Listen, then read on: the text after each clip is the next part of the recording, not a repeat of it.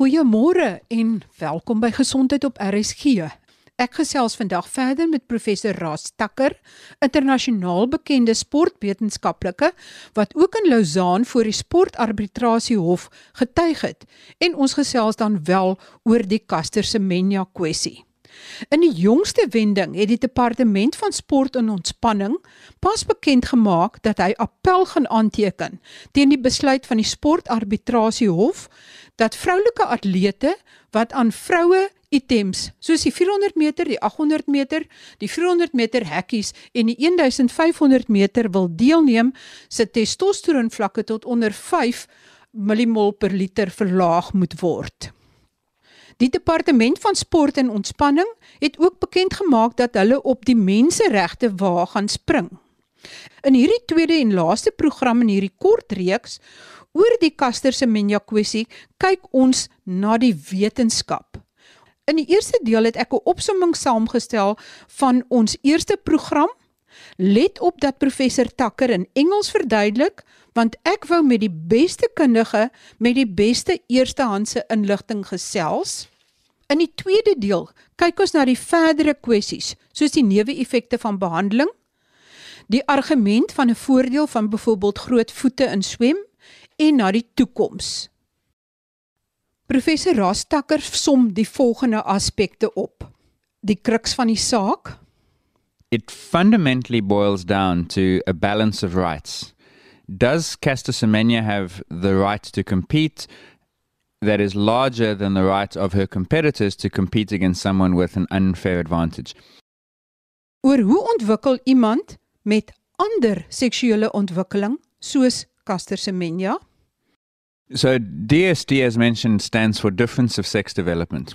Now, in the normal course of events, a person's biological sex and the way they develop even before birth, so this is after conception in the womb, then they're born and they become adults follows a pretty sequential number of steps.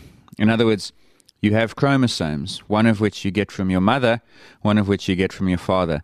If you have an X and an X chromosome, you almost always become a girl. If you're XY, you become a boy. Those chromosomes dictate whether you have testes or ovaries. Those testes or ovaries determine whether you have high levels of testosterone or low levels of testosterone. That testosterone determines whether you develop male characteristics, and that means reproductive system and secondary characteristics like deeper voice, hair growth, muscle mass, skeleton, and so forth. Or if you have low levels of testosterone, then you develop female characteristics. So there's a very sequenced list of things that happen. It goes genes, hormones, appearance. The trouble is that in a very small minority of cases, and we're talking here one in 20,000, maybe even one in 100,000, something goes quote unquote wrong. And so now you have someone who is genetically male and they have testes and they have high levels of testosterone, but for instance, they can't use that testosterone normally.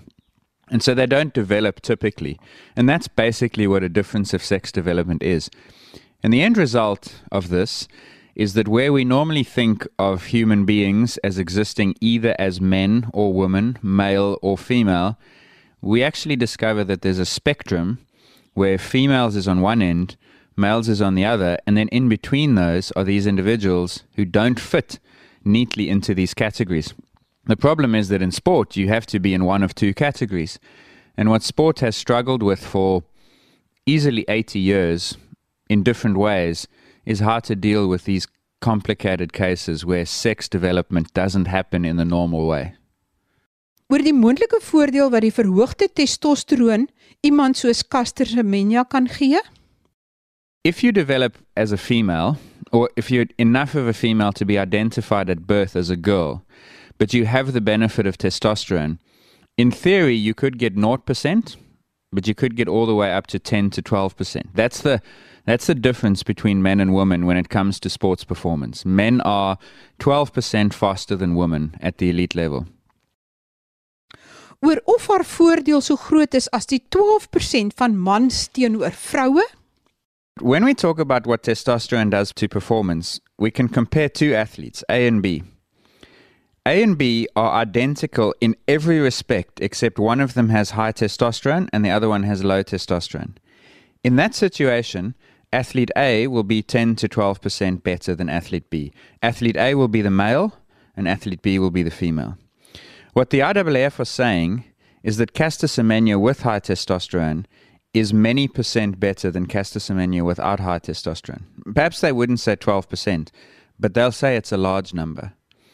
And on that basis, they want to take away the testosterone so that she's competing against women who don't have what they consider to be an unnatural and unfair advantage.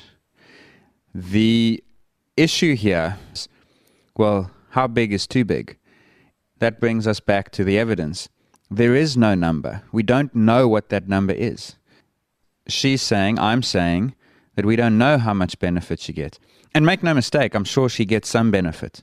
But I can't quantify it, so I can't evaluate what it means. Oor hoeveel Caster Semenya beter presteer as ander vroue? There's an interesting exercise you can do where you can look at the athlete, in this case Semenya, and you can say, right, let's quantify how dominant she is. You don't need maths because all you have to do is watch the race and you can see that she's superior to all the athletes she runs against.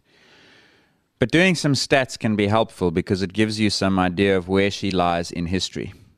And so if you go back 40 years and you look not just at track and field, but you look at swimming, Olympic Games, World Championships, track and field, Diamond League, and so forth, you can ask the question what is Caster Semenya's average margin of victory compared to all the other female athletes in the last 40 years? And the answer is that it's high, but it's not extraordinary. So Caster average margin of victory is 1%, and the biggest margin of victory she ever achieved was 2.1%. There are many other female athletes that have won events by 4, 5, 6%. There's one athlete, a discus thrower, called Sandra Perkovic, whose average margin of victory is over 2%. So she wins by more than Caster Semenya ever has. But she, of course, doesn't have a biological condition that potentially challenges the boundary between men and women. So no one has asked these questions about her. They might ask other issues or other questions, but not this one. So, on that basis, what you would say is that factually, Caster Semenya does not show any sign of having a male like advantage. Oor wat sal gebeur as Caster Semenya haar testosteroon vlakke verlaag?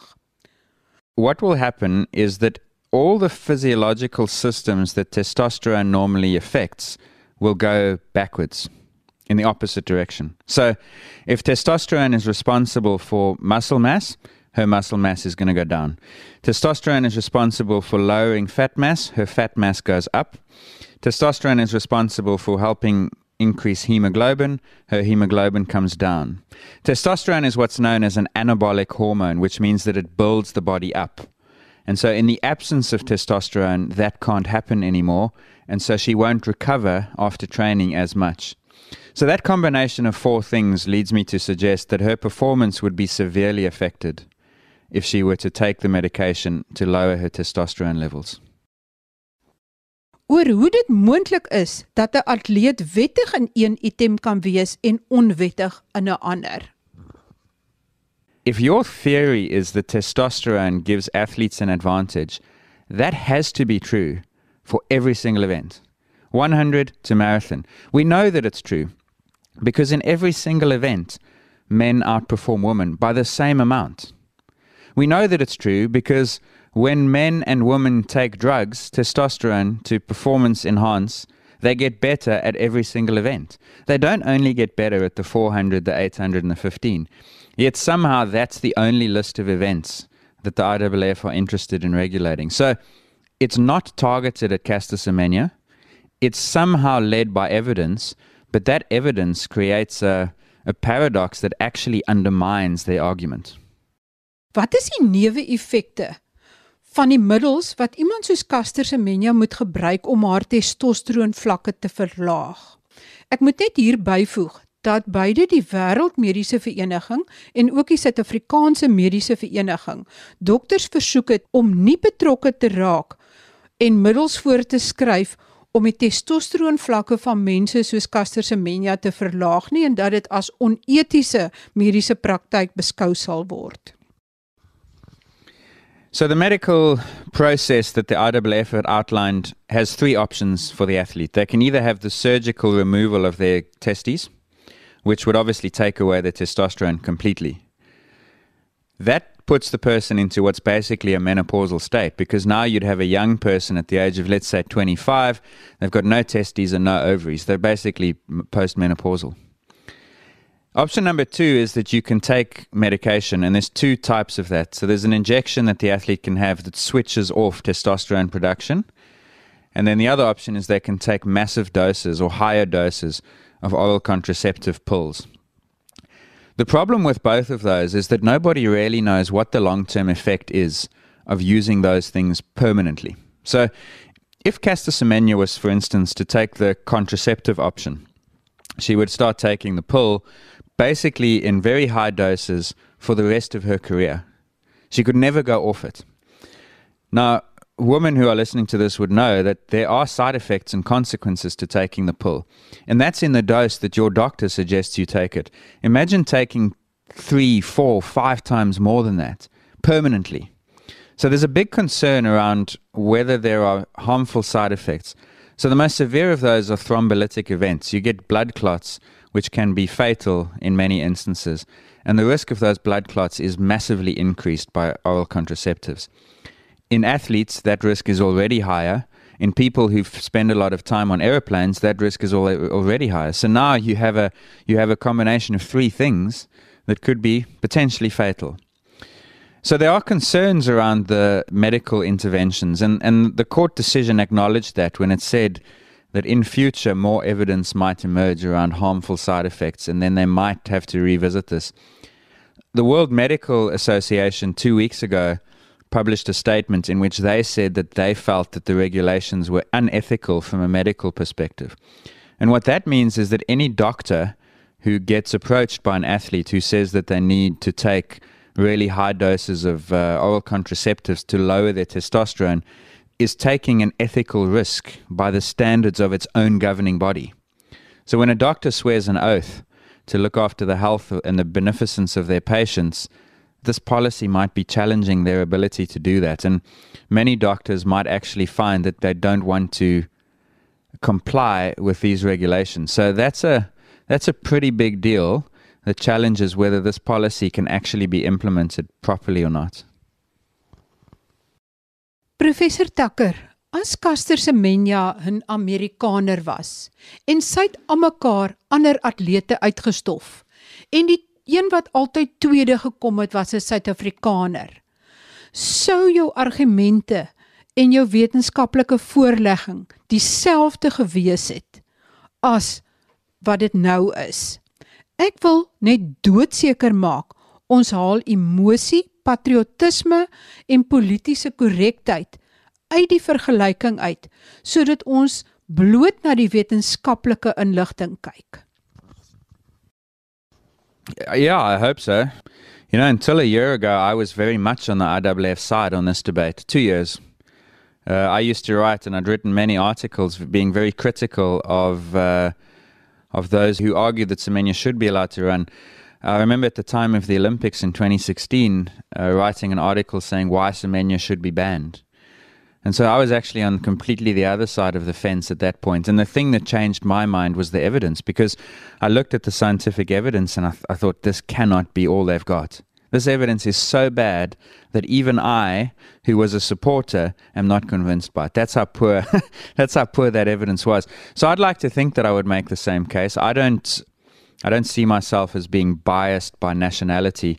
For me, like a coincidence of latitude and longitude where I happen to be born shouldn't change my interpretation of this and and in future if, if evidence was to emerge then I would hope that my opinion would change. I understand that a lot of people, especially overseas, are, are criticizing now saying, Oh, he just switched sides because it's a South African, but I'll have the same opinion no matter where that person came from. Sommige mense argumenteer dat die testosteron voordeel wat Caster wel geniet En ons weet sy te voordeel al is dit nie die 12% soos die van 'n man nie en al kan dit nie gekwantifiseer word nie. Is dit soortgelyk aan die voordeel wat 'n swemmer met groot voete het of 'n basketbalspeler wat baie lank is? Yeah, the analogy where people say, oh, tall people have an advantage in basketball, big feet in swimming is very common. I understand what people are getting at. I just don't agree with them for a couple of reasons. One is that in basketball, we don't have a category for short people. In swimming, we don't have a category for people with short arms or small feet. Now, that's arbitrary. Maybe we should. Maybe we should have basketball for people shorter than 175 centimeters. Maybe we should have a category in swimming for people whose feet are small, who, whose arms are short. But for better or for worse, we've decided not to protect short people, small footed people, short armed people. If we had a category to protect those people, then we would have to defend it. Now ask the same question around male and female we do have a category to protect those who don't get the benefit of testosterone. It's called women's sport. The reason women compete in a category by themselves is because they don't have the benefits of using testosterone in the same way that men do. And so, therefore, you have to do something to protect the line that you've drawn between them. So, I would reject the comparison with Michael Phelps's long arms or Ian Thorpe's big feet on the basis that it's actually irrelevant. There's no need to regulate foot size. We, well, or to think about foot size because we don't regulate foot size. And the other thing I would say is that I guarantee you that the fastest swimmer in the world with small feet, in other words, the disadvantaged swimmer who's got the small feet, is not 4,000th in the world among big footed swimmers. Whereas in men versus women, that's literally the difference testosterone makes. The best women in history are thousands and thousands and thousands of places behind the best men. So the testosterone effect is different as a concept and it's different as a quantity. Professor Tucker, hoe dink jy moet die testosteron vlakke en die testosteron beskikbaarheid in die toekoms in berekening gebring word? The authorities have decided that the level of testosterone is what they're going to use as a marker. The problem with that is, as we've discussed, some people have got very high levels of testosterone, but they can't use it at all. It might as well not be there. So they might have the world's highest testosterone concentration, but the use of testosterone is zero, and that person should not be subject to any regulation. Why? They've got no possible theoretical benefit. Then you move the needle slightly to one side and you discover that there's a whole group of people who have partial sensitivity. So they can use some, but not all. In my opinion, trying to judge how much they can use and how much they can't use and how much is fair, how much is unfair, creates a nightmare for scientific objectivity. You, you can't really do it accurately. So, in my opinion, that condition should be taken off as well. So, whatever regulation exists, if you want to go with the argument that, that this regulation is important because there is such a thing as an unfair advantage, I do believe that, those two conditions should not be part of your regulation. So, I've, I felt that the IWF would have been better off. As as it turns out, they won, so they were as well off as they needed to be. But I felt that their argument would be even better if they took those two conditions off. And the only conditions that you should really be interested in are the ones where the person can use the testosterone normally. In other words, are there DSDs where a person is completely able to use that testosterone? They get all the benefits of testosterone, but they still develop as women. Now, the answer to that is no, in the sense that we don't know with certainty that those conditions do exist. But there are some one of them is called alpha 5 reductase deficiency, where the athlete has high levels of testosterone. They can use that testosterone, and there's only one other question about whether they have a performance benefit or not. That's the most complex situation for sport. All the others, in my opinion, should be taken off. So, as die deelname van vroue met ander seksuele ontwikkeling toelaatbaar is, ontstaan die vraag of vroue met normale testosteron vlakke nie dalk dan anaboliese steroïde gaan begin neem om te probeer om hulle eie testosteronvlakke te verhoog nie. En sodoende dus ook hulle sportprestasie te verbeter nie. Hoe gaan mens onderskei tussen vroue soos Caster Semenya met natuurlike verhoogde testosteronvlakke, al is al daai testosteron nie nuttig vir haar liggaam nie, en doping met anaboliese steroïde? In theory, relatively easy because you look for the substance in the blood, and the testosterone that we produce naturally is distinguishable from the testosterone that we would uh, inject. And it causes biological changes that are different. So you look at the ratio of testosterone to other hormones and so forth. So that is perhaps less of a concern. The problem, of course, is that anti doping isn't as effective as it should be. So I think a lot of female athletes do use testosterone and get away with it, and they never ever identified. But the the identification of a 46XY-DSD is not that complicated. It's difficult to spot them at first because you have to use a degree of subjective judgment. And at the risk of oversimplifying, the first question many people would would say ask is that person looks too masculine. Now that's problematic because now you're asking policy to judge people based on their looks, which legally is an issue. But once you've identified a person who's a potential candidate, confirming the diagnosis is actually quite simple because you can do a genetic test now and you get a diagnosis right away. So for sport to actually diagnose who has a DSD and who doesn't is not that difficult. To identify who might, that's another story. Dankie professor Tucker. Het jy dalk 'n een eenvoudige opsomming van die komplekse kwessie? I wish there was a simple message. The I realize people who've listened to this might be more confused now than when we started, but that in a sense is progress. And I've often said to people that if you if you are confused by this issue, then it means you probably understand it.